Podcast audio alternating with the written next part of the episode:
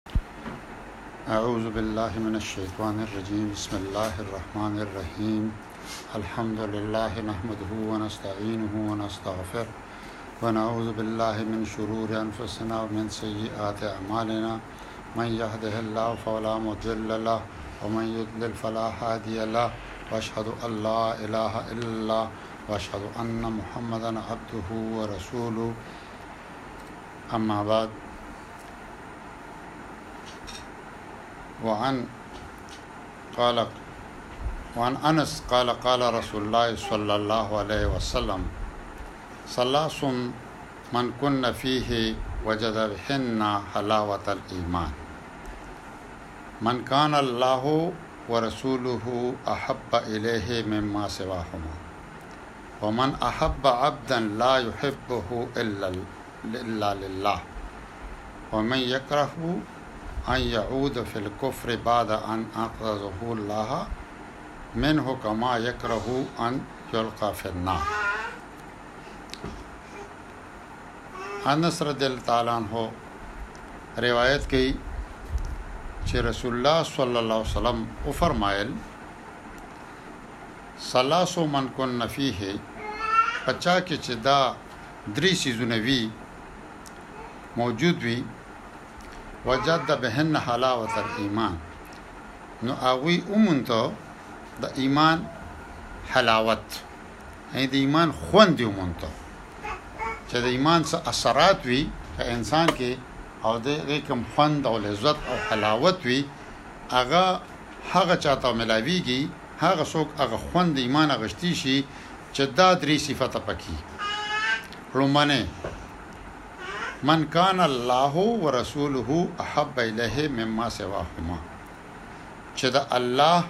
او د الله رسول سره مینه لري د هر چا نه سیوا د هر څه نه سیوا د هر چا نه سیوا زیاته مینه چې د هغه الله او د هغه رسول سره وي ومن احب عبدا او هغه یو بنده سره محبت کوي لا يحبه الا الله مگر صرف د الله د محبت ته خاطر چې هغه سړی الله سره محبت کوي او د الله د محبت ته خاطر هغه سره بل سره محبت کوي یعنی یو بل سره مینه چې کوم ده الله لا درزا ده پاره سو د لالچ د پاره نه وي نو هغه دویم هغه کس او دریم هغه کس، ومن یکره ان یعود فی الکفر، چې هغه ته کفر ته تلل ده نه بد ښکاري، بعد ان انقذه الله منه، څنګه چې الله تعالی هغه د کفر نه روویست پس د هغې نه هغه ته واپس کفر ته تلل داسې بد ښکاري کما یکره ان یلقا فی النار لکه څنګه چې په اور کې غورځیدل یو انسان ته بد لګي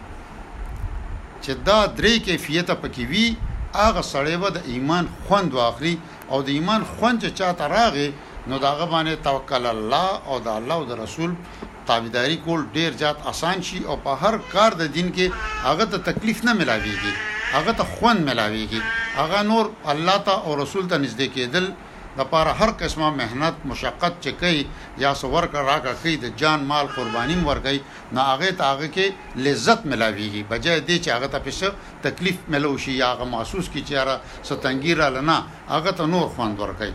نو هغه درې کسان دي يو هغه چه د هر چا نه زياته مينه الله او د هغه رسول سره وي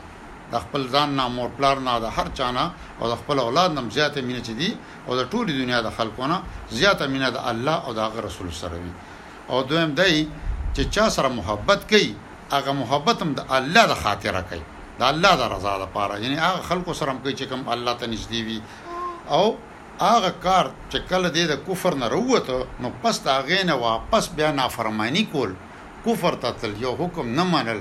د الله او د رسول نافرمانی کول ورته داسې بد ښکاری لکه سړی ته چې اور ته ورغورځېدل بد لګي الله تعالی دې موږ ټول ته په دې باندې د پوهه د عمل کول توفیق راکړي صدق الله العظیم